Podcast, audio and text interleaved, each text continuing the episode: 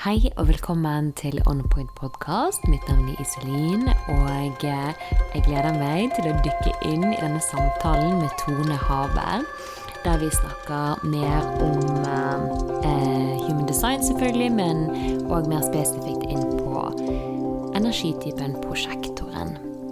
Jeg har jo da eh, blitt invitert av Tone som, uh, som, den prosjektoren vi begge er, så er det veldig viktig å bli invitert. så jeg har blitt invitert inn i hennes space. Så det er et sånn online eh, membership, et medlemskap på nett. Så man kan få tilgang til en rabattert pris fram til den offisielle lanseringen den 12. i 12. Så da får du bare sjekke ut eh, nettsiden til, til Tone under her hvis du er interessert. Og ta en liten titt og høre litt mer på hva The Space er. For der er jo jeg da invitert inn eh, med min bakgrunn i astrologi til å dele astro-updates i The Space eh, fremover. Så det gleder jeg meg veldig mye til. Det ligger noe ute allerede og kommer mer da for desember måned. Ja, jeg har gledet meg til denne episoden. Jeg møtte jo da Tone på en, på en helt utrolig magisk måte. Eh, universet brakte oss sammen.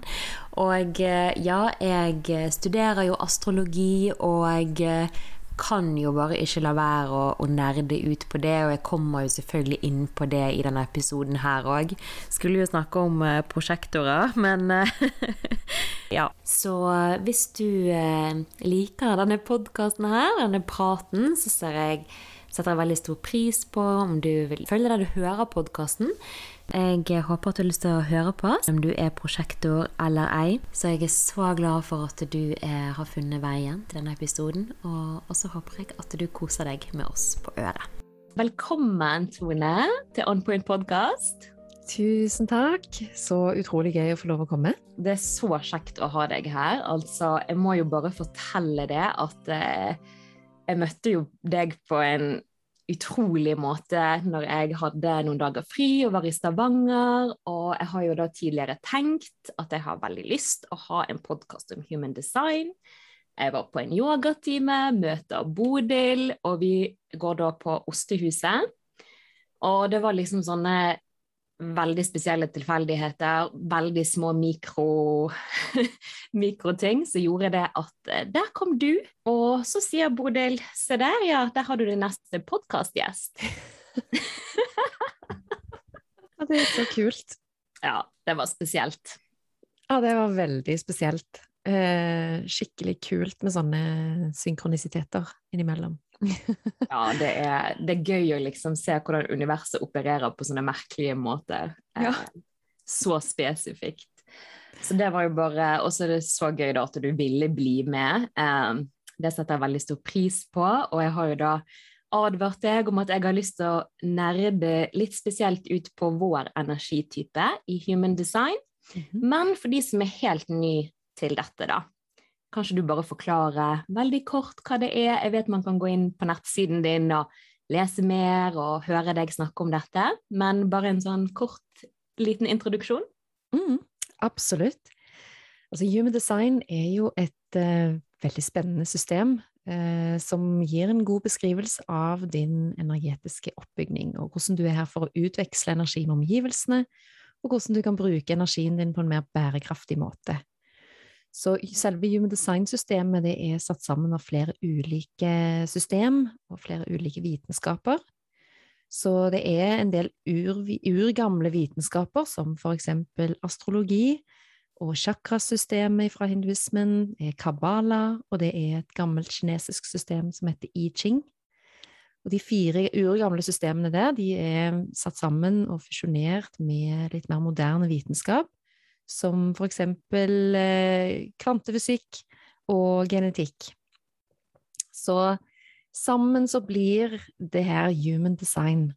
Og human design det er da et system som eh, ble kanalisert av en mann som heter Ra i 1987. Så han eh, hadde en sånn mystisk opplevelse der han eh, ble fortalt av en stemme at han måtte sette seg ned og jobbe i åtte dager og åtte netter. Og det gjorde han.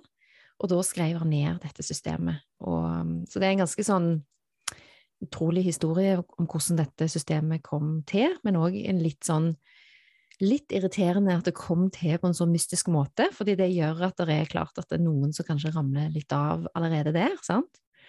Men eh, likevel så er det jo så mye mer mellom himmel og jord enn det vi klarer å begripe i vår egen eh, bevissthet, egentlig.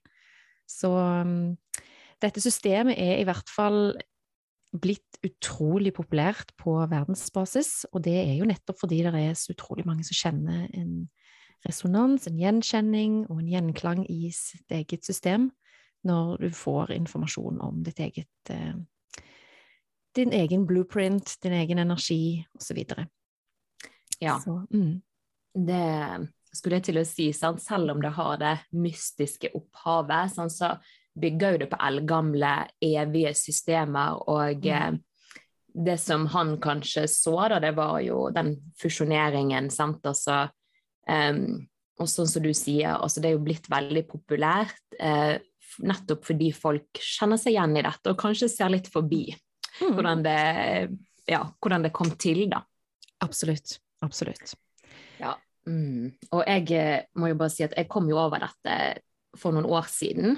Eh, da var ikke det så mye informasjon, men jeg fulgte jo hun eh, Erin Claire Jones på, ja. på Instagram. Mm. Mm. Og så oppdaget jeg jo deg etter hvert, som formidler dette veldig bra da på, på Instagram og um, på din podkast sammen med din kollega Emily, mm. Human Design-podden. Yes. Så den må jeg jo selvfølgelig anbefale da, for de som har lyst til å nerde mer ut på dette ja. systemet. Absolutt. Og i Human Design-poden så har du jo en anledning da til å altså Hvis du ikke kjenner til Human Design fra før, så er det et veldig bra sted å starte. For der har vi på en måte litt sånn steg for steg fra første episode. Så tar vi dere gjennom alt, egentlig, som Human Design handler om. Mm.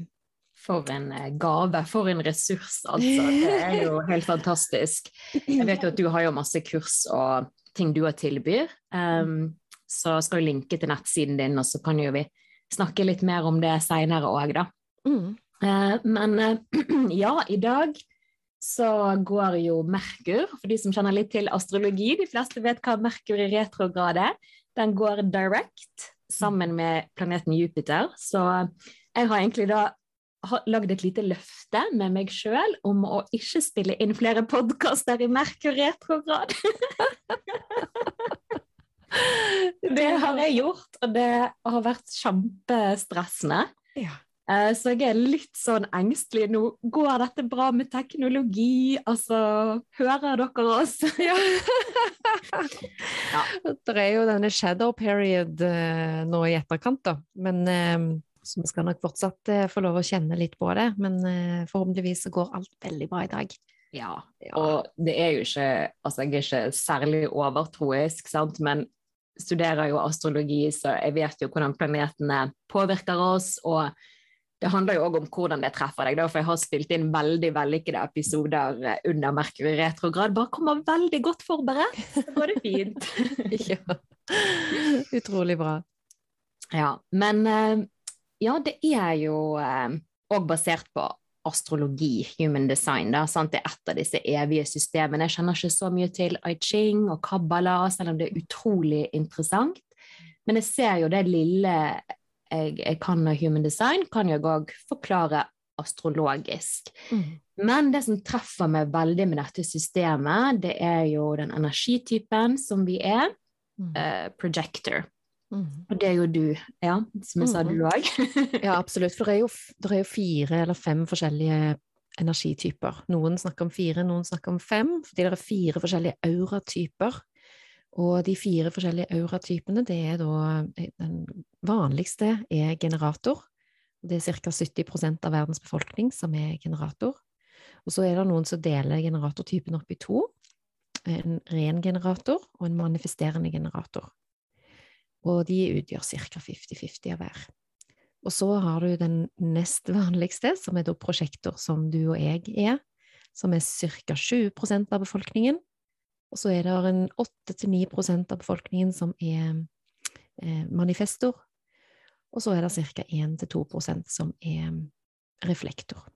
Så det er de fire ulike auratypene, og, og det vi også kaller for energitype. Så um, i dag så vil jo du snakke litt om den som er da prosjektor.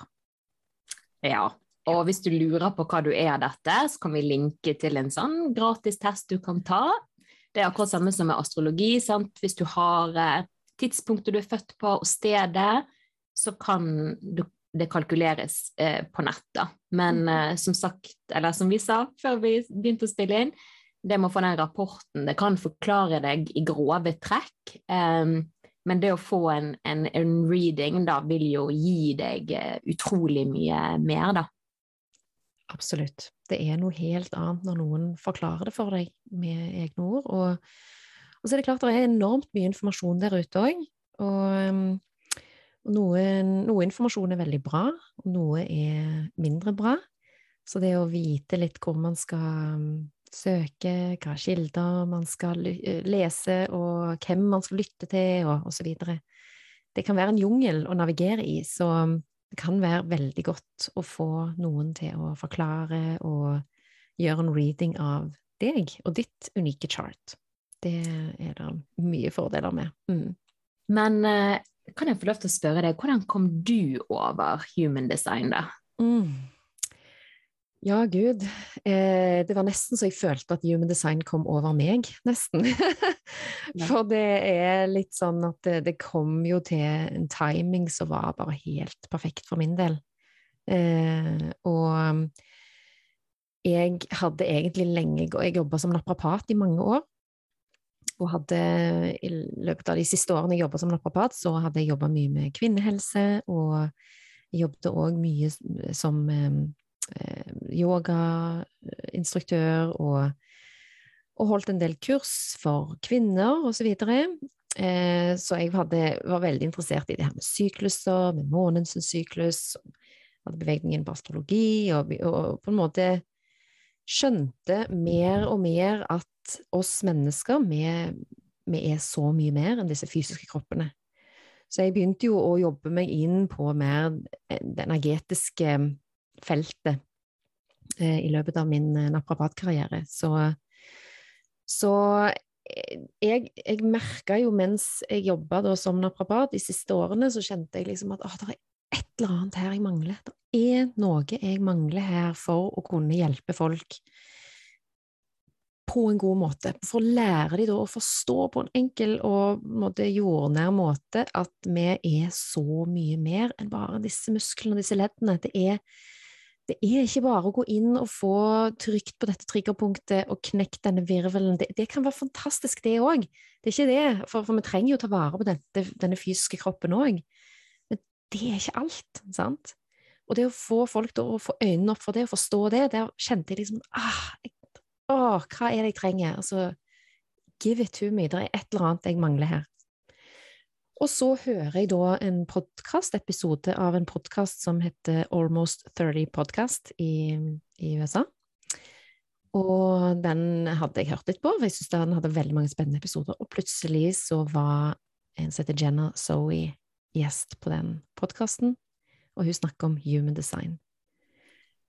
Og hun, hun er òg prosjektor, og når hun forklarte om sitt design og forklarte de ulike typene osv., så, videre, så ble jeg jo naturligvis veldig nysgjerrig og, og, hadde en enorm gjenkjenning i henne, i hennes måte å forklare hennes energitype på osv. Så, videre. så gikk jeg inn og, sjek og sjekka mitt design og forsto at jeg var en prosjektor. Og da var det akkurat så bare alt falt på plass. Alle brikkene falt på plass. All motstand og alt slit og alt strev og all utbrenthet jeg hadde opplevd, og alle smerter i kroppen og alt som bare hadde lagt der og ja, prøvd febrilsk å gi beskjed til meg i så mange år. Alt ga bare mening, og alt ble på Alt falt på plass. Alle brikkene falt egentlig på plass. Så jeg dykka jo fullstendig ned i det her, og eh, hørte på alt jeg kunne finne av podkaster og leste bøker, og eh, og syntes dette var så utrolig interessant, sånn mest for min egen del i starten, eh, og begynte så smått å snakke litt om det med, med klientene mine, og for de som jeg merket var litt åpne for det, og. Og begynte liksom å teste litt eh, interesse, og så. Så, men så kom jeg til et punkt der jeg kjente at eh, jeg, jeg, lever ikke et liv som er bærekraftig for meg og min energitype. Jo mer jeg lærte om min energitype og, og kjente den gjenkjenningen, så kjente jeg at det her det er ikke bærekraftig. Jeg husker jeg satt på sykkelen ned til klinikken min og bare Altså, her verker håndledd, og her verker korsrygg, og, og, jeg skal ned og hjelpe andre med sine smerter.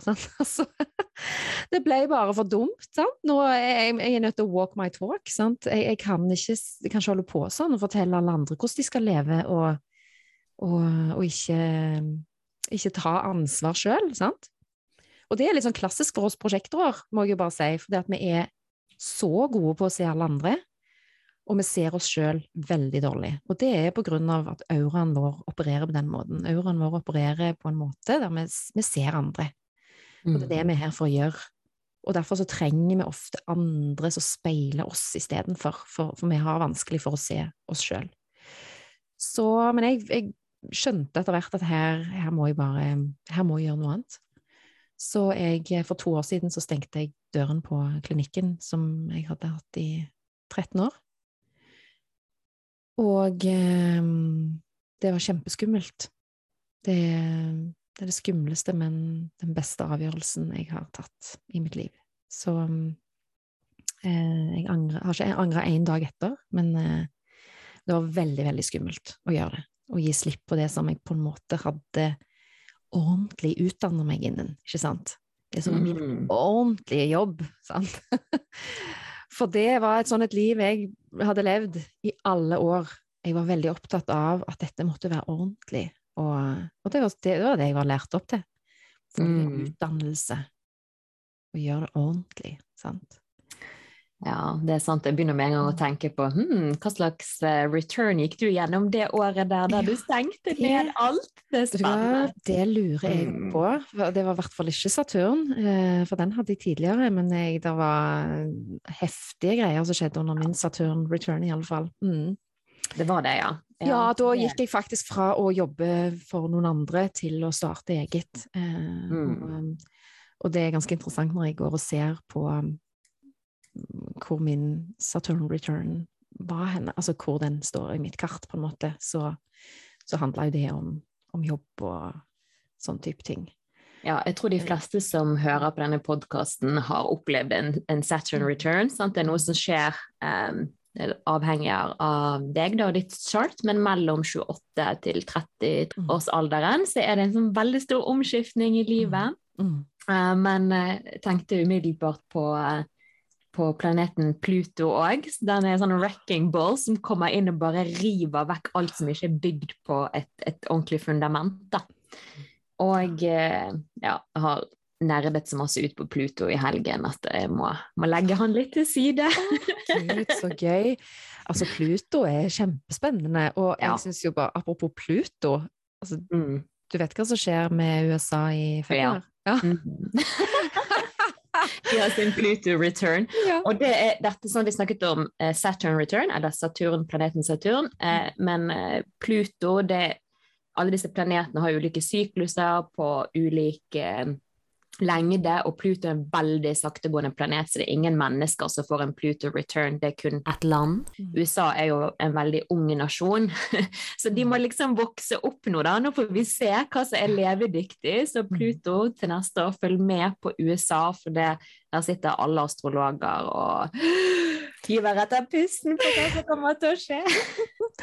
Men er det ikke noe sånn seks måneder før og seks måneder etter-type, som på en måte er liksom gått inn i egentlig den hele denne Pluto-returnen? Det går mot et peak, da, så det blir veldig, veldig interessant. Og dette med sykluser, altså dette er jo noe eh, som du sa, altså dette har jeg òg vært veldig interessert i, og som yogainstruktør og um, ja, altså for å komme, bare trekke den parallellen der, da, at det er jo gjerne på yoga at folk kommer og skjønner litt mer at de er noe mer enn kroppen sin, følelsene, tankene, sant? og begynner å kanskje åpne opp, som du sier. Sant? Det er jo noe mer.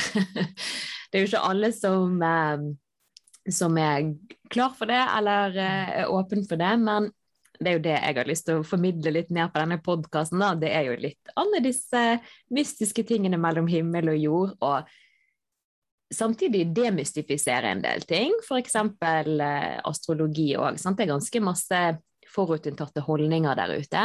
Mm. Eh, så det kan jeg kanskje bidra litt med her på podkasten. Men jeg kjenner jo meg da ja, så igjen i alt det du sier om å være projector, hvordan det treffer deg. Altså, det er så on point. Mm -hmm. Det er som å høre historien om meg sjøl, som mm. går rundt og bare skal guide andre til å slappe mer av. og føle seg bedre, strekke ut, eh, og så bare kommer man der med plager og stress og Et typisk projector, som du sier, altså. Det er det, og det er virkelig på høy tid at vi prosjektorer begynner å forstå vår rolle her, sant? Vi ikke holder på å late som, sant? og prøve å være noe vi ikke er. Mm. For det er jo det vi ofte gjør, for vi lever jo i et veldig genererende felt. sant? Over 70% av befolkningen er jo generatorer og er genererende, er genererende i energien sin, sant. Og ja. det er fort gjort å tro at det er på en måte det er, det, det er jo det verden på en måte er bygd opp rundt, sant. At sånn skal det være. Det er liksom en slags mal. Og så er, ja. så er prosjektoren 20 eh, av befolkningen som virkelig er her for å gjøre ting på en helt annen måte enn de resterende. Ja. Mm. Og dette er så interessant, for selv om du lytter til og vet at du er generator eller manifester eller ja, en av de andre typene, så håper jeg at du hører litt videre, for du har helt sikkert noen projector-venner. For jeg har lyst til å kaste litt lys på selvfølgelig utfordringene, men òg styrkene våre. Men som du sa med generator, altså, det er nesten eh, Hvordan skal de sette seg inn i hvordan vi føler oss? Sant? For samfunnet er jo bygd opp som du sier, etter de. Sant? Så vi projector, vi endelig finner ut at det, det er dette her vi er. og å, herregud. Sant? Vi har jo prøvd å bare henge med, kanskje som du sier, eh, spille, late som. Mm. Men det, ja, jeg kjenner jeg ble litt deprimert òg. Ja. Når jeg fant ut det var projector. ja. Hva var det som gjorde at du følte deg deprimert når du fant ut det? Nei, jeg, jeg tror det er ganske vanlig å føle det. Mm. Men det er jo kanskje det at jeg eh, følte at åh, sant, jeg strekker ikke til. Du, du, går med den følelsen lenge. altså Du skjønner at jeg ble deprimert, men jeg kanskje mm. anerkjente den, den litt mer sånn dårlige følelsen jeg alltid har gått rundt med. Mm. Jeg, eh, sånn, jeg, klarer ikke energetisk å holde opp eh, holde, Hvordan sier man det på norsk? altså ja, Å henge med de andre, da, energetisk. Mm. Mm. Holde det samme tempoet, på en måte. Ja. Altså, det føler jeg veldig Eh, sånn som du sier, late som. Jeg har jobbet mye som skuespiller òg, og jeg ser jo der så er det veldig mange energetiske typer. Og, og der andre liksom bare holder på og går på, og jeg bare vet hva, jeg må legge meg ned. oh yes. det er det vi må, sant? Mens de andre, altså generatorene, de har en motor som genererer mer energi når de gjør det som de brenner for, når de gjør det som gir dem en følelse av tilfredshet i livet, så genererer de mer energi gjennom sitt sakrale senter. En prosjektor har ikke en definisjon i det sakrale senteret. Det betyr ikke at du ikke har et sakralt energisenter, det har du, men der er du åpen for å ta inn og forsterke energiene i omgivelsene dine. Og det gjør at du genererer ikke energi i ditt eget system. Du er avhengig av å på en måte ri litt på energien rundt deg. Og det gjør at du har ikke en stabil tilgang på energi på samme måte som en generator har. Så du trenger å hvile og sove for å lade. Og når du da hviler, hviler og sover, og får gjort det tilstrekkelig, så kan du våkne opp og kjenne deg superenergetisk, sant? Og så handler det om å da bare ha en forståelse av at ja, du kan ha masse energi, men den vil ikke vare evig. Og det er ingenting galt med det, det er bare at du trenger å hvile og, og sove for å på en måte få, eh, få, et nytt perspektiv igjen, fordi at prosjektorens rolle her er å bidra med et veldig unikt perspektiv. Og det er ingen av de andre energitypene som har mulighet for å se ting på samme måte som en prosjektor. Så mens generatoren er her for å gjøre, det er viktig for en generator, en generator å gjøre ting, Men, men, ikke gjør hva som helst. Det er viktig at de gjør ting som, er, som gir denne her gnisten i dem, og som, som, tenner en gnist, og som eh, de kjenner passion for, og som de kjenner at liksom, å, nå har jeg det godt, dette er bra og deilig for meg å gjøre, nå er jeg liksom in my zone of genius. sant? Det er viktig. Mens prosjektoren er her for å se, ikke for å gjøre, for å se. Og bringe inn et helt nytt og unikt perspektiv til denne verden. Og, og det, er, det, er, av og til litt sånn OK, jeg er her for å se, liksom. Eh, skal ikke jeg gjøre ting? Sant? For vi er jo lært opp til at vi, vi må gjøre for å ha value, sant? Det er det vi gjør som gir oss verdi, har vi jo på en måte litt i, i ryggmargen. Fra generasjon etter generasjon tilbake. Og, men, men, det er klart at prosjektoren er den aller nyeste av alle energityper. Prosjektoren har bare vært på jorden siden 1781. Før 1781 så fantes ikke prosjektoren. Så derfor er det ikke så rart, egentlig, at prosjektorens rolle er litt misforstått, og at man ikke egentlig har verdsatt prosjektorens rolle så høyt som man skulle ha gjort. For prosjektoren har en kjempe, kjempeviktig rolle her, og spesielt i den tiden vi er inne i nå. Vi står overfor et veldig stort globalt energetisk skifte, eh, der vi er i ferd med å gå over i en, ny global syklus som handler om noe helt annet enn det vi har holdt på med i ca. 400 år nå. Mm. Så disse globale syklusene de, jo, de, de har jo en sånn 400 års syklus cirka. Og den som er Jeg vet ikke om du kjenner til de globale syklusene sjøl? Snakker dere noe om de i astrologien, forresten? Altså, vi, vi snakker jo mer om disse tidsaldrene, da. Eh, mm -hmm. vi er jo på vei ut på astrologispråket av fiskenes tidsalder, og så er vi da på vei inn i, i vannmannens. Ja. Eh, sånn, så det er jo det um, Ja, nettopp. Ja. For i Human Design så snakker vi om eh, disse globale syklusene som eh, Og der vi nå er, går mot slutten av en global syklus, som starta i 1615, og som avsluttes i 2027.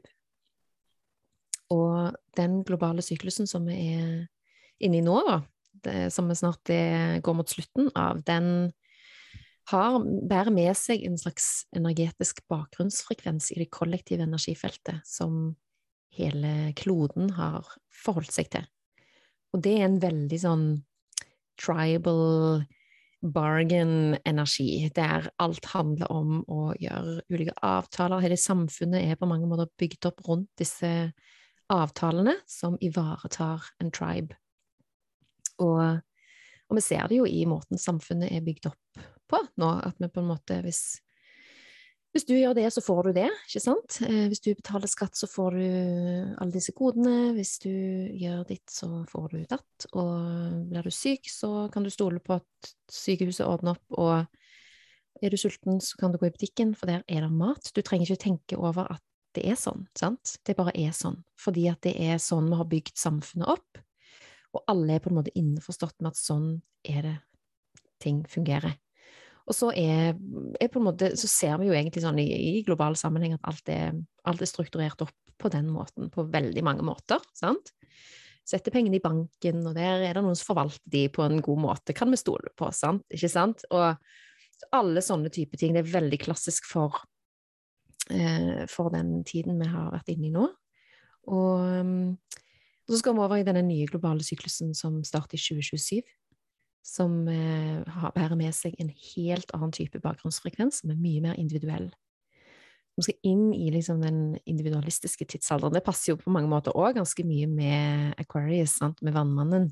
Samtidig så handler det jo ikke om at vi skal inn i en egoistisk tid. Det handler mer om at vi trenger å komme hjem til oss sjøl og vårt eget autentiske uttrykk. Kunne uttrykke oss gjennom vår individualitet og, og, og vår, vår, natur.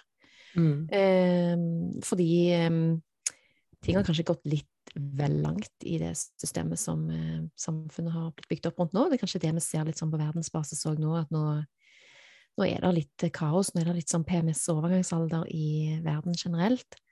Og, og det er en opprydding på gang. Det er jo egentlig det som, det, det som, skjer, og det er det som skjer på slutten av alle sånne sykluser. Jeg må ikke glemme, sånn, I forbindelse med disse globale syklusene så har jo prosjektoren en veldig viktig rolle inn der. Mm. Fordi at altså, de første prosjektorene kom jo da i 1781. Eh, og, og i 1781 så skjedde det jo litt andre ting, sånn rent astrologisk, da. Eh, for da begynte jo begynte vi å gå inn Altså, vi hadde jo Før 1781 så, så levde vi jo eh, i eh, Saturn sin syklus. Sånn at menneskets levealder begynte jo å endre seg ifra det tidspunktet. Eller om det var i 1615 eller 1781, det er jeg litt usikker på, men vi begynte jo å leve mer i Uranus sin syklus. Der fra å da leve en syklus på en 28-30 år, så begynte vi å leve en syklus på rundt 84 år. Så menneskets liv begynte jo å, vare lenger, og, og vi kunne, kunne, gjøre mer med livene våre. Sant? Vi kunne skape samfunn og bygge byer og, og på en måte leve noen liv som vi ikke var tilgjengelig for tidligere. Um, og det gjorde jo at prosjektoren ble nødvendig for å komme inn som en guide, som en veileder, og bringe effektivitet inn i de ulike prosessene og, og alt det som, som, foregikk på jorden, da.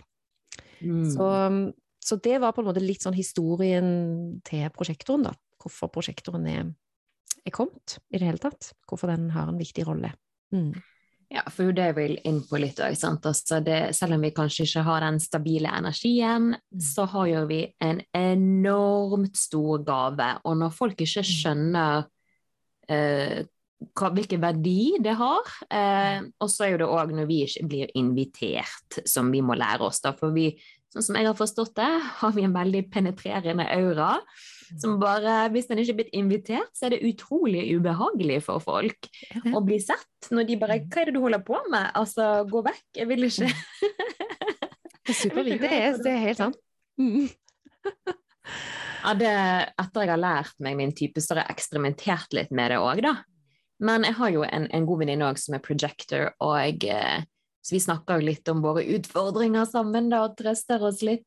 Men så er det dette med Jeg sa det til henne, eh, av hva jeg eh, leser på Instagram, hva du legger ut, hva andre legger ut her. Sant? Så er det Jeg tror jeg vant Jeg tror vi er altfor vant til å få en halvgod invitasjon.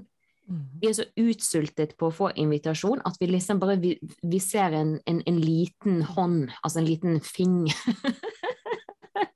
Så bare kaster vi oss over prosjektet. Det er så sant! Det er så sant. Kan, det er, og det er så fort gjort at vi liksom går og er utsulta på denne anerkjennelsen som vi virkelig bare går og lengter etter som prosjekter. Sant? Og så ender vi opp med feil energiutveksling likevel. Sant? Så der kommer jo den indre autoriteten inn i Human Design, og det er jo den intuisjonen vår som vi er utstyrt med for å kunne ta gode valg og avgjørelser. Og der mm. har vi veldig forskjellig eh, indre autoritet alle sammen.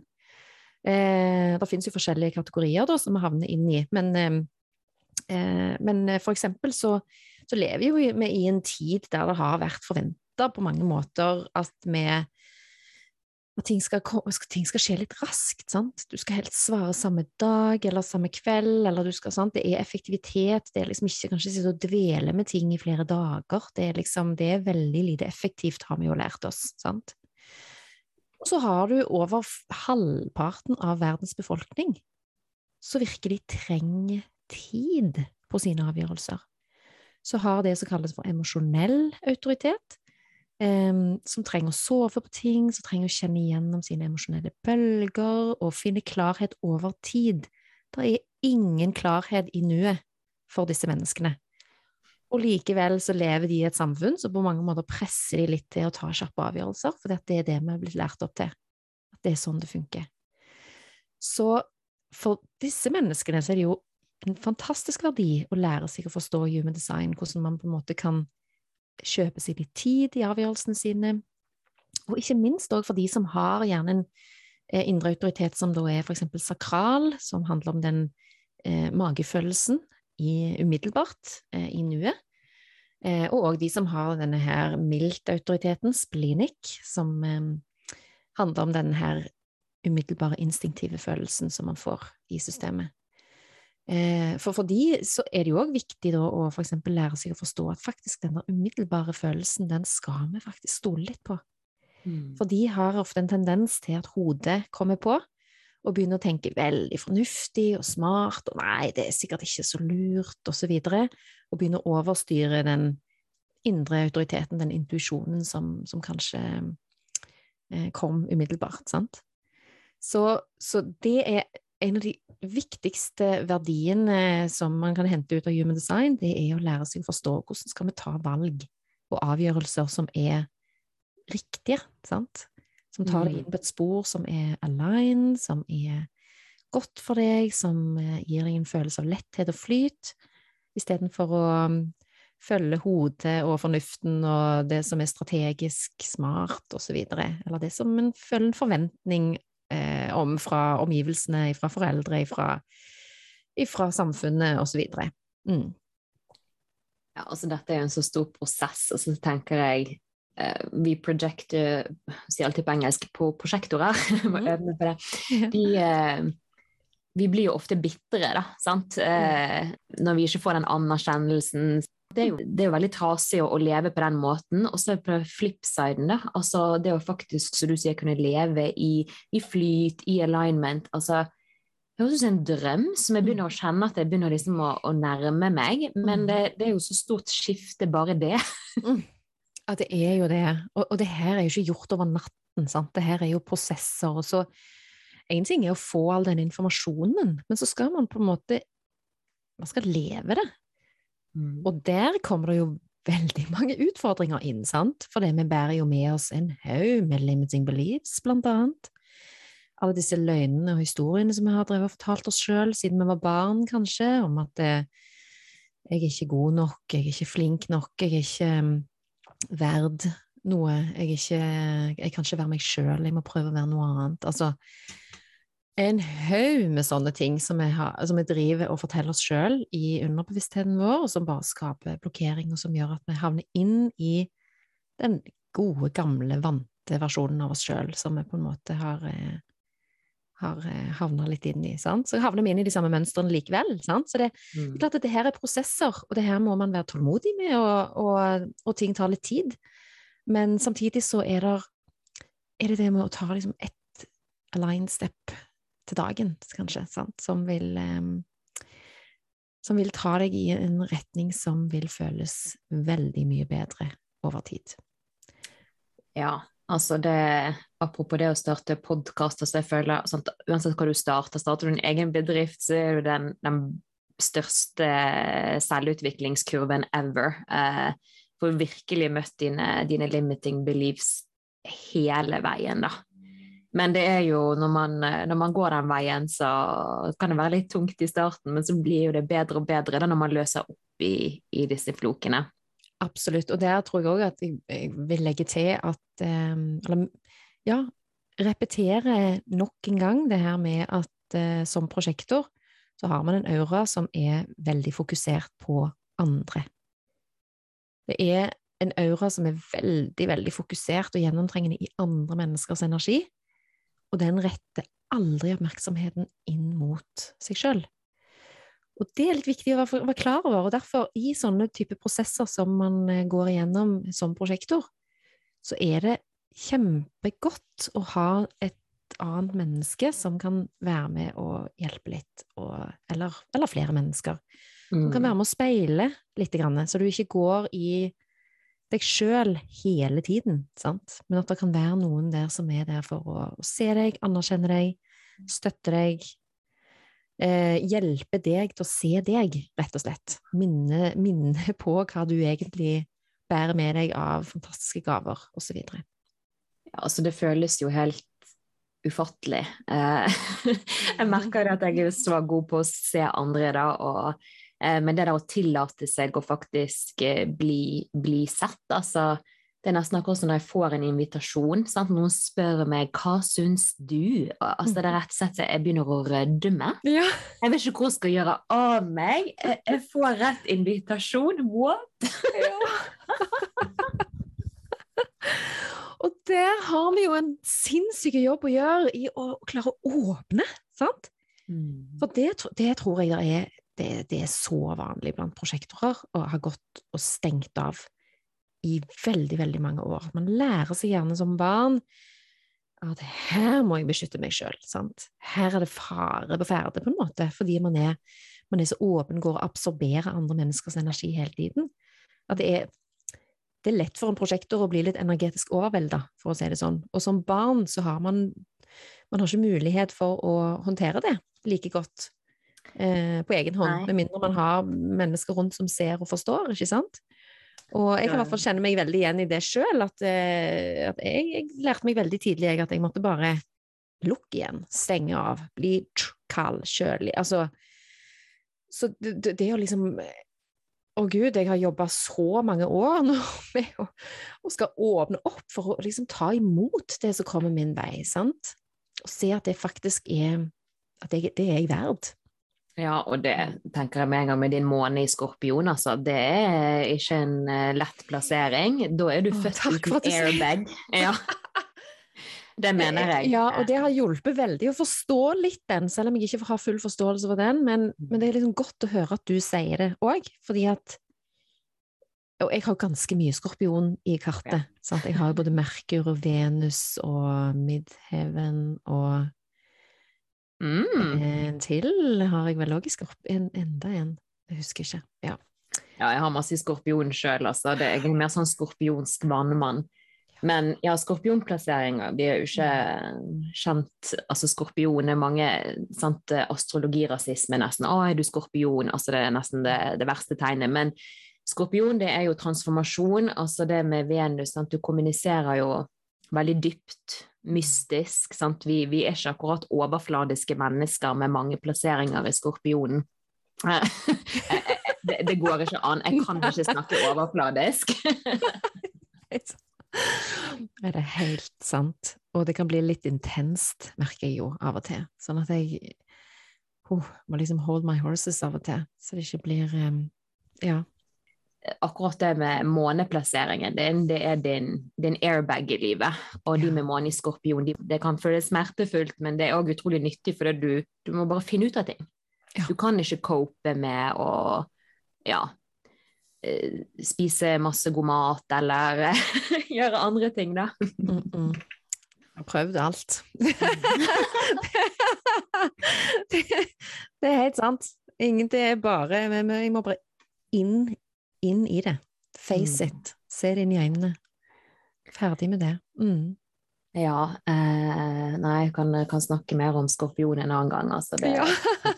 Men tilbake til oss eh, coping-mekanismer når det gjelder oss eh, prosjektorer, da.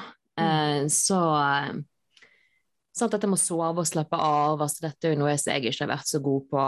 Og eh, Altså, jeg har jo sett at det her Det var jo en annen ting som jeg syntes var veldig trasig. da, at, at, vi må gjerne sove alene i vår egen aura.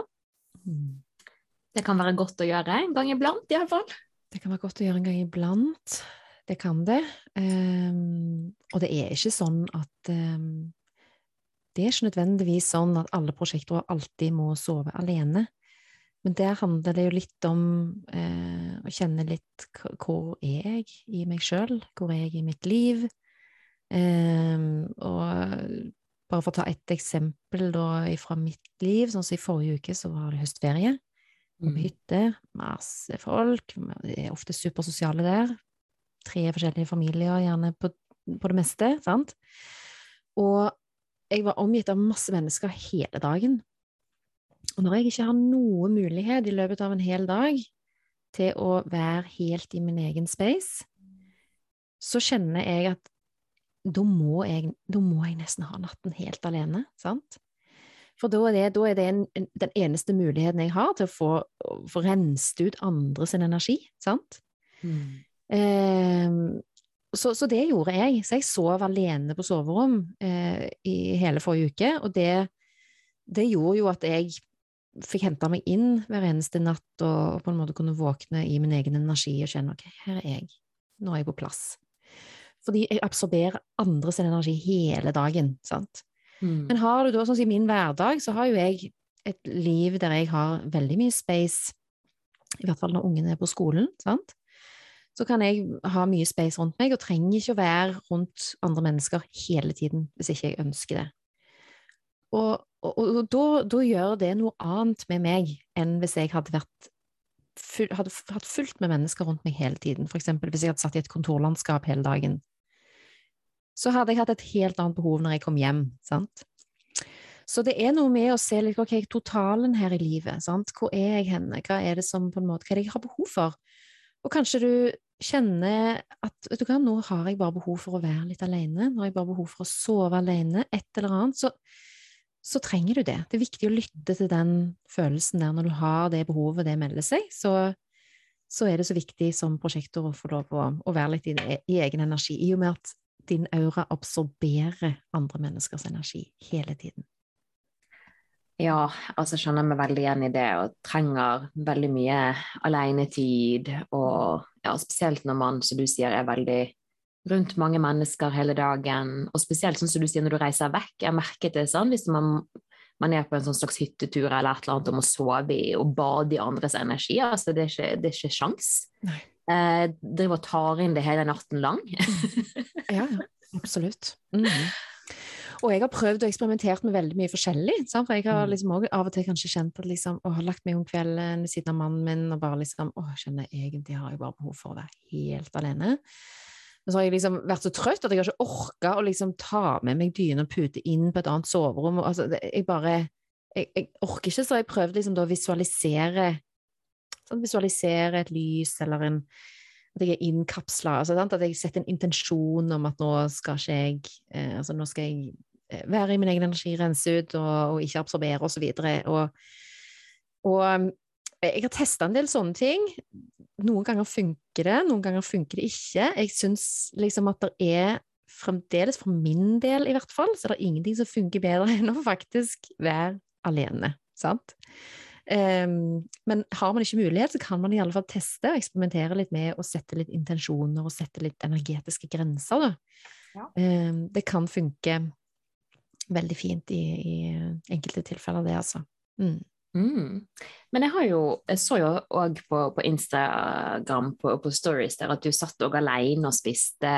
For jeg har ja. hørt uh, at yes. uh, jeg, var ikke klar over dette fra før, men at uh, Human Design kan hjelpe deg òg liksom litt med mat og, mm. og til du Absolutt. Ja. Mm. Altså, I Human Design så snakker vi liksom ikke om eh, hva mat vi skal spise og ikke. Altså, jo, vi snakker litt om energi, energien i mat. At det er klart at eh, mat òg vibrerer i ulike frekvenser, og at eh, jo, jo, mindre prosessert maten er, jo høyere frekvens vibrerer maten på. Så det er klart at eh, vi ønsker jo å fòre kroppen med, med, en høy vibrasjon, for, for, da vil vi sjøl vibrere på, på, en høyere frekvens. Så, så, på den måten, men ikke noe sånn at eh, det er mindre bra enn det, osv. Altså, paprika er bedre enn tomat, liksom. Altså, det, vi snakker ikke om sånne type ting, sant. Men i Human Design så snakker vi mye om hvordan man skal ta inn mat, fordi at mat er informasjon. Mm. Så eh, når man snakker om fordøyelse i Human Design, så snakker man om hvordan man skal fordøye alt, egentlig. Både informasjon av alle mulige slag, mat som informasjon, hvordan vi skal fordøye livet og hvilken måte du fordøyer livet eh, best mulig på, da. Og sånn som jeg har noe som heter low sound. Og det betyr at når jeg skal ta inn ulike eh, Når jeg skal ta inn ulike, ulike informasjon, så trenger jeg at det er litt stille rundt meg. Jeg er veldig, veldig sensitiv på lyd, og, og det merker jeg veldig godt at når jeg skal sitte og spise, så kan jeg, jeg kan godt sitte ned og spise sammen med andre. Det mm. går veldig, veldig fint. Men hvis det for eksempel er eh, Hvis noen sitter og ser på TV, eller det er en radio på, eller det er musikk på, eller det er på en måte eh, noe som forstyrrer meg, da, så blir det veldig vanskelig for meg å ta inn den informasjonen. Eh, så Og, og det det har vært utrolig fint og interessant å lære å forstå at jeg opererer på den måten, for det gir veldig mening. Altså, jeg husker når jeg satt i svære familieselskaper når jeg var liten, med stor familie. Mm.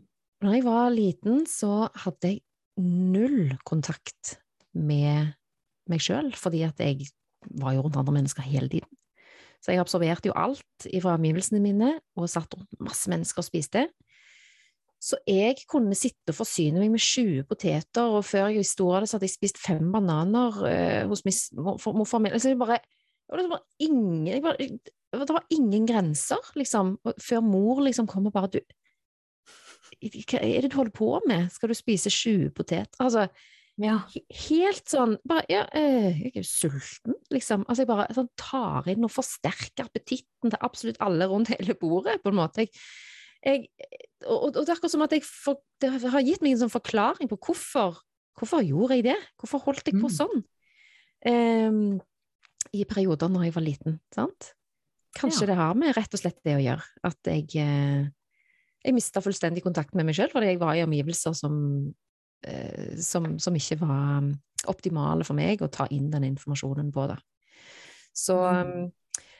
Så det er jo det er veldig spennende. Du har jo noe som heter open taste, altså open um, heter din determination, altså din fordøyelse. Og, um, så du har en sånn naturlig kresenhet over deg, og, og, kan gjerne trives godt med å, å spise liksom det samme over litt tid. Ja, eh, og nesten det samme til hvert måltid kan være bra for deg. Um, trenger egentlig så stor variasjon som, um, som, som, mange andre har behov for. Sånn at, og du kan gjerne også ha litt sånne perioder der du liksom får henge på en ting, så kan du spise det hele tiden, og så kan du bli ferdig med det, og så er det over på noe nytt. Så, så, spiser du det i lange tider, og kan liksom spise det hele tiden. Ja. Så det er det er naturlig for deg, og, og, og, viktig for deg, og på en måte stole på den følelsen som du får i ditt system, da. Eh, og, og, sant Vi blir jo lært opp til at vi skal spise variert og følge denne kostholdssirkelen og helst ikke spise det samme hele tiden, osv. Men det er jo ikke sånn det fungerer for alle. Og, og ditt fordøyelsessystem er jo ganske eh, det, det, er ikke det mest primitive, men det er et ganske primitivt fordøyelsessystem likevel. sant? Så, og, og, du kan sikkert òg få litt sånn hang-up på Jeg har en datter med akkurat det, faktisk, og hun er sånn som kan for eksempel elske å lese den samme boken om igjen og om igjen, elske å se den samme filmen om igjen og om igjen. Altså, jeg aner ikke hvor mange ganger hun har sett Istid. Én, to, tre, fire.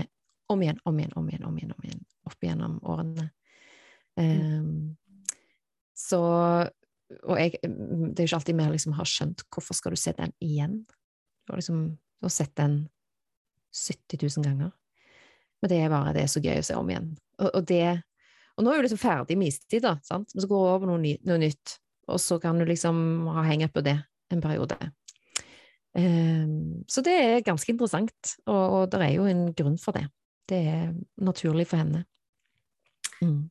Ja, det er, altså, det er liksom greit å få litt sånne bekreftelser og Ja, så du sier at det er liksom ikke noe altså Man må jo stole på sin intuisjon og magefølelse, men så får vi, vi hele tiden bombardert med ting, sant? så det er greit. Ok, men sånn er jeg òg. Mm. Eh, ja, det har jo jeg òg lagt veldig merke til, at jeg får sånn hangups eh, mm. på ting. Det er jo helt utrolig, egentlig. Mm. Det er jo så masse god mat vi kan spise. ah, sant, det er jo det. Ja, ja, men jeg jeg kjenner jo meg litt igjen i det som du sier òg, at eh, det kan bli veldig mye inntrykk, men det kan jo sikkert forklares litt sånn med høy sensitivitet og andre ting òg, da. Absolutt, absolutt. Helt klart. Og, og for deg som er prosjektor, så, så, er jo du har jo en åpen sakral, sant? Og i sakralen til mennesker så sitter jo appetitten, sant? Mm. Alle desires, lyster, sant? Så det er klart at der tar jo du inn og kjenner dobbelt så sterkt på andre sin appetitt, andre sine lyster, andre sin, sine desires, sant. Mm. Så det er òg interessant å være litt obs på, da, sant, at eh, eh, sitter du og spiser med en generator, så er det, er det vanskeligere for deg å kjenne liksom grensene dine enn hvis du sitter alene og spiser.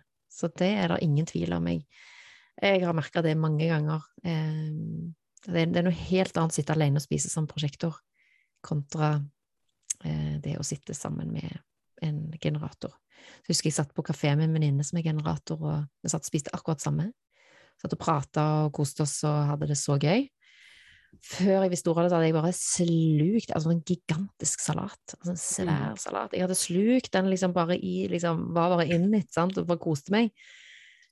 Og, så, og hun satt der og liksom bare Hun satt jo nøyd det på en helt annen måte, sant, og bare Plutselig så kjenner hun bare Å, nei, nå har jeg fått nok. Og det er sånn klassisk sakral, sant? De bare Nei, sånn, nå er, nå er det nok. Nå var det liksom åh, nå, nå var jeg ferdig. Sant? Mm. Og det er lettere for de, i hvert fall en sakral som er i kontakt med seg sjøl, det er lettere for de å kjenne liksom Nei, nå har jeg gjort nok. Nå har jeg spist nok. Nå har jeg jobbet nok. Nå pakker jeg sakene sammen, og så er det liksom Nå er det nok.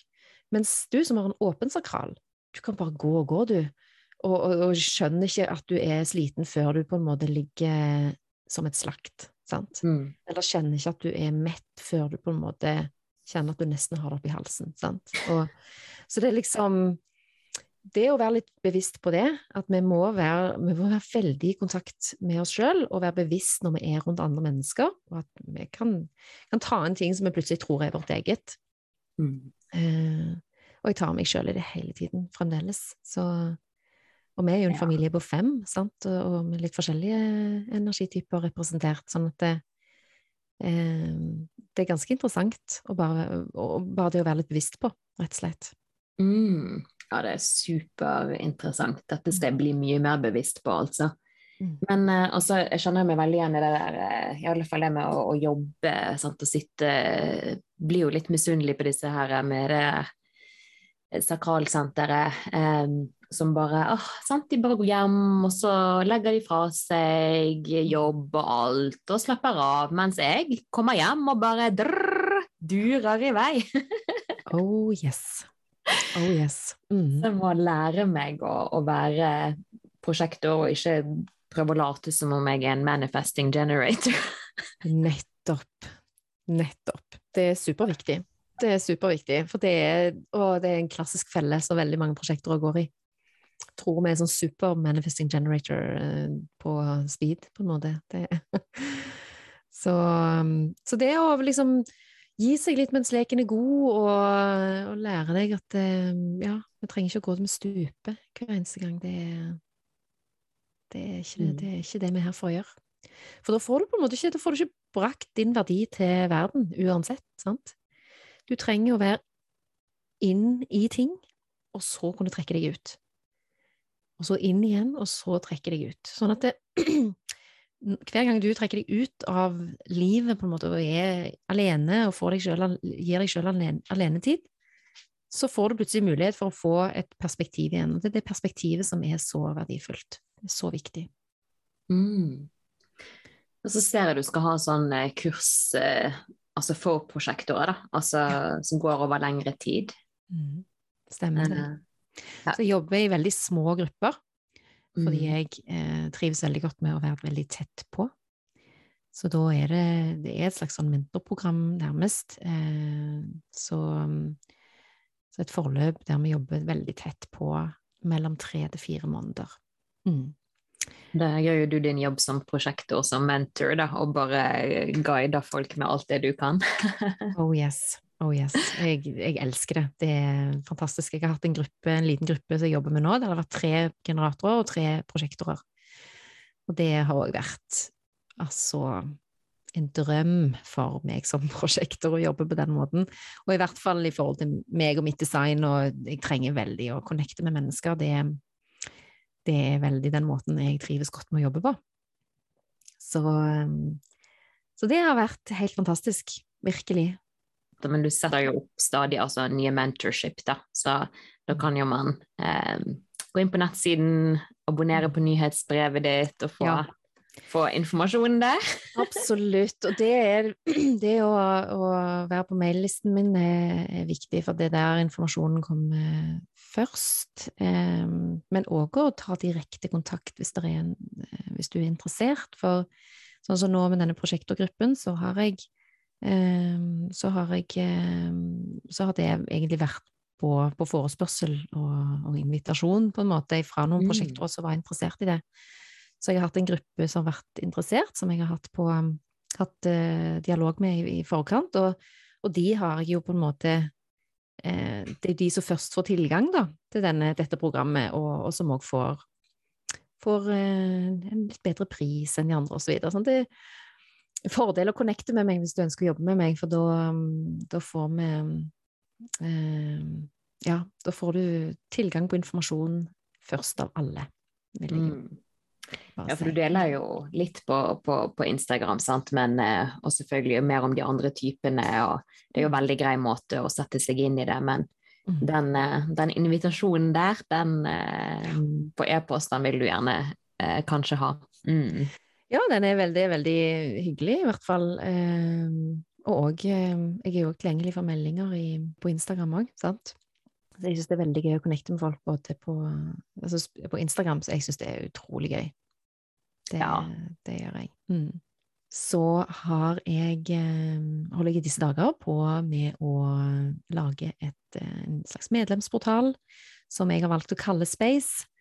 For Space er det, det jeg hele tiden kommer tilbake til. Eh, det er så utrolig viktig for meg med space i mitt liv. Så jeg holder på nå å jobbe med å skape et sånn et space for alle som har lyst til å både lære mer om sitt eget design. Um, så det her, det her kaller jeg for Space, Human Design and Beyond. Det kommer til å være på norsk, men jeg syns det er så gøy å snakke litt engelsk innimellom, for det er så mye, mye finere ord. Så, um, og, og det her kommer til å være Human Design and Beyond. Altså det blir så mye mer enn Human Design. Så det gleder jeg meg utrolig mye til å, um, å dele med hele Norge, som eh, skal få invitasjon til å være med der og komme sammen med like-minded og um, være på en måte sammen om å um, komme hjem til den som du naturlig er her for å være, da. Mm. Det er jo en gave du, eh, du gir til verden, også sånn som i denne tiden òg, at du kan, du kan jobbe med hele Norge. Og så, ja. Det trenger ikke være begrenset til Stavanger, eller Det, har, det er jo noe av det som har vært mest fantastisk med å, å jobbe online. mm. Det har vært utrolig gøy. Og spesielt for meg som er så glad i å networke og connecte med mennesker. Og det, så det gleder jeg meg utrolig mye til, å skape dette community. Det er det mange som har gitt uttrykk for at de ønsker òg. Komme sammen i en slags um, gruppe, en community. Få en følelse av at man ikke står alene. Mm. Kan bli inspirert av hverandre. Og der jeg òg inn i Space så vil jeg òg ha en del gjestelærere og masse spennende tema som vi skal gå igjennom. Um, så der vil jo jeg være mye live framover, Mm. og det gleder jeg meg til. Eh, jeg er veldig glad i å være live, i, og foreløpig så er jeg liksom det i disse små gruppene mine. Eh, så jobber jeg litt med å komme litt mer live på Instagram. Det er liksom målet. Jeg syns det er gøy å være live, da. Mm. Det er ikke alle som syns det er så spennende, så det kan du sikkert forklare i Human Design, men det er jo tror det er det vi sikter mer og mer mot eh, denne nye tiden. sant? Altså mer autentisitet. Eh, sant? Ikke så redigert, filtrert. Også dette Det kommer jo mer og mer inn på Instagram, da. um, ja, men uh, dette med å skape communities, det er jo noe vi skal i denne nye tiden. Um, og jeg går kjenner veldig behov for å føle meg en del av noe, en gruppetilhørighet. Også dette med networking òg. Det, det er spennende. Disse, disse podkastene òg. De skaper jo òg nye sånne pathways, altså nye kanaler. Mm. At vi kan møtes da, og connecte. Så det, det tror jeg passer oss. oh, absolutt. Veldig, veldig bra. Så her sitter vi da Mm. um, og spiller inn på Zoom. Det er jo så kult. Mm. Alle de mulighetene vi har i dag, da. Fantastisk. Men eh, det blir jo veldig mye. Så det å, å få hjelp, eh, og ikke minst da, altså guidance fra en prosjektor i denne tiden, det er helt uunnværlig. Det er så viktig, og det er, og det er virkelig det eh, Jeg gleder meg utrolig mye til å jobbe med en gruppe prosjektorer nå, for å virkelig få de til å komme i kontakt med den prosjektoren som de faktisk er her for å være. Så, som verden trenger. Altså, verden trenger prosjektorer. Verden trenger det perspektivet. Trenger det prosjektoren ser, og, og den effektiviteten som prosjektoren bringer inn i ulike prosesser. Den er uvurderlig. Og det kan jeg bare streke under, for det der altså når folk, generatorer og andre skjønner da, som har masse energi, skjønner at de kan være så, selv om de har masse energi, de kan være så sinnssykt mye mer effektive eh, enn det de er. Sant? Vi som er prosjektor, sitter og ser på de liksom gå på, på samme spor, og så Å, herregud, bare du gjør sånn og sånn og sånn, så blir jo det så mye bedre. Og for Jeg har hørt du si det òg, men for oss å bare rett og slett at vi nesten må holde på dette, det er jo litt vondt, det òg. det er fryktelig! det er det. Det er altså Å, gud, måtte de invitasjonene bare komme strømmende på. Og det, det tror jeg de absolutt vil, sant? Men Mm. det krever jo at prosjektorene fins. Og hvis prosjektorene går og leker generator, så er det ingen som skjønner at, eh, at prosjektoren faktisk fins der som en verdi. Så, så prosjektoren har en kjempeviktig oppgave. Finne hjem til den prosjektoren som, eh, som, som du er her for å være. Sant? Det er, Mm. Som verden trenger at du er. Det er superviktig. Ja, så vi må ta godt vare på oss sjøl, da. Så mm. Mhm. siden jeg kanskje trenger litt ekstra inspirasjon, da, så får jeg høre hva en annen fellow projector gjør for å ta vare på seg sjøl. Ja. ja, gud. Eh, jeg gjør mye forskjellig, egentlig. Men det aller viktigste for meg, det er å ha space i livet. Sant? Space rundt meg, ha på en måte eh, Ja, det, det er superviktig. Å få anledning til å, å være alene når jeg trenger det. Og, mm, og få være litt eh, Ja, leve et litt langsommere liv. Det har gjort underverker for meg. Men for å ta vare på meg sjøl sånn i hverdagen, så, så sjekker jeg inn med meg sjøl hver eneste morgen eh, i meditasjon. Jobber med takknemlighet. Eh, skriver i journal. Og eh, har litt sånn visualiseringsteknikker som jeg bruker. Og eh, jeg eh, trener. Tar meg en løpetur. Yoga syns jeg er veldig godt for kroppen å bruke. Pilates trener jeg òg. Og eh, ja Sørge for at jeg fyller på kropp og sjel med ting som nærer meg, og mm, ja, en, som vibrerer på en høy frekvens. Jeg syns det er superviktig. Eh, at ting er litt sånn høyfrekvent, at det er litt naturlig, at det kommer fra naturen, at det er Selv om jeg skeier ut, jeg òg, herregud. Det skal ikke være helt eh, rigide, men det er noe med å ja, kanskje i hvert fall 80% av tiden kjenne at du på en måte er i kontakt med deg sjøl og, og fyller på ditt eget beger med det som gjør godt for deg. Det er kjempeviktig. Og søvn, ikke minst. Altså, nå er jeg gift med en, en manifester òg, så han, han, er ganske glad i å sove, han òg. Han har òg åpent sakral, sant. Så jeg tror naboene her syns at vi er veldig rare, fordi vi slukker lyset veldig tidlig, sant. For vi går tidlig og legger oss, og det, så søvn er ekstremt viktig. Jeg kjenner at hvis jeg har mangel på søvn, så er det akkurat som at jeg akkurat som at jeg endrer et eller annet Jeg kan se ansiktet mitt endre form, nesten. Det er helt sånn Ja, sant?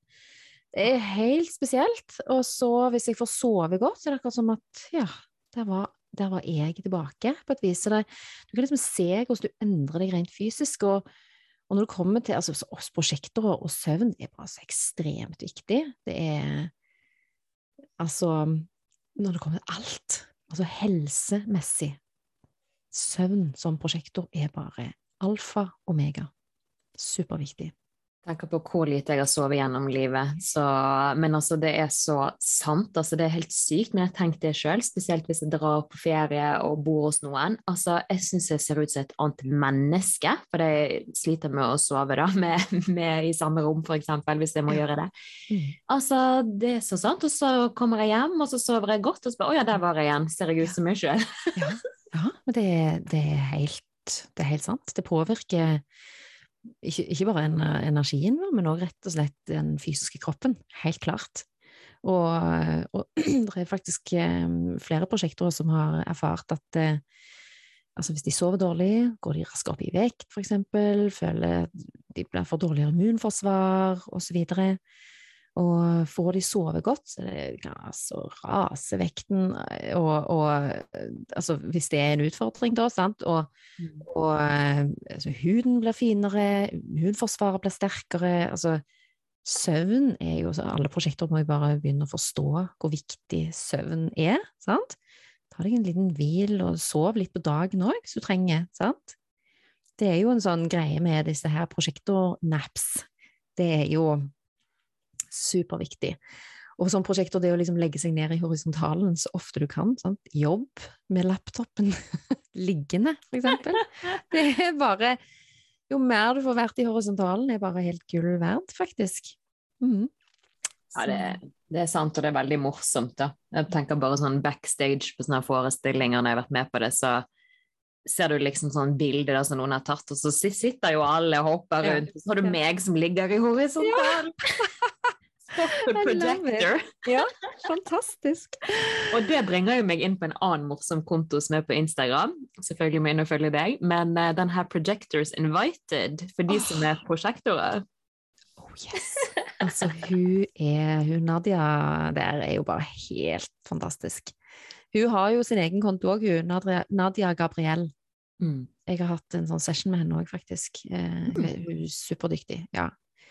Så hun er Og den Projectors Invited er jo bare så humor. Den er så gøy. Mm. Jeg elsker den. Ja, det er masse sånn ute, ute på nettet, der, sant? memes med og astrologi. altså Det er kjempegøy å bare følge sitt eget tegn, eller å kjenne altså kan man ha mye, mye humor med, med utfordringene sine òg, da. Ah, I know. Ja, det er supergøy. Ja. Det er iallfall veldig viktig for meg å le litt, eh, ha, ha litt galgenhumor. Altså, helt sant. Det er kjempeviktig. Vi må ikke ta det så seriøst, på en måte.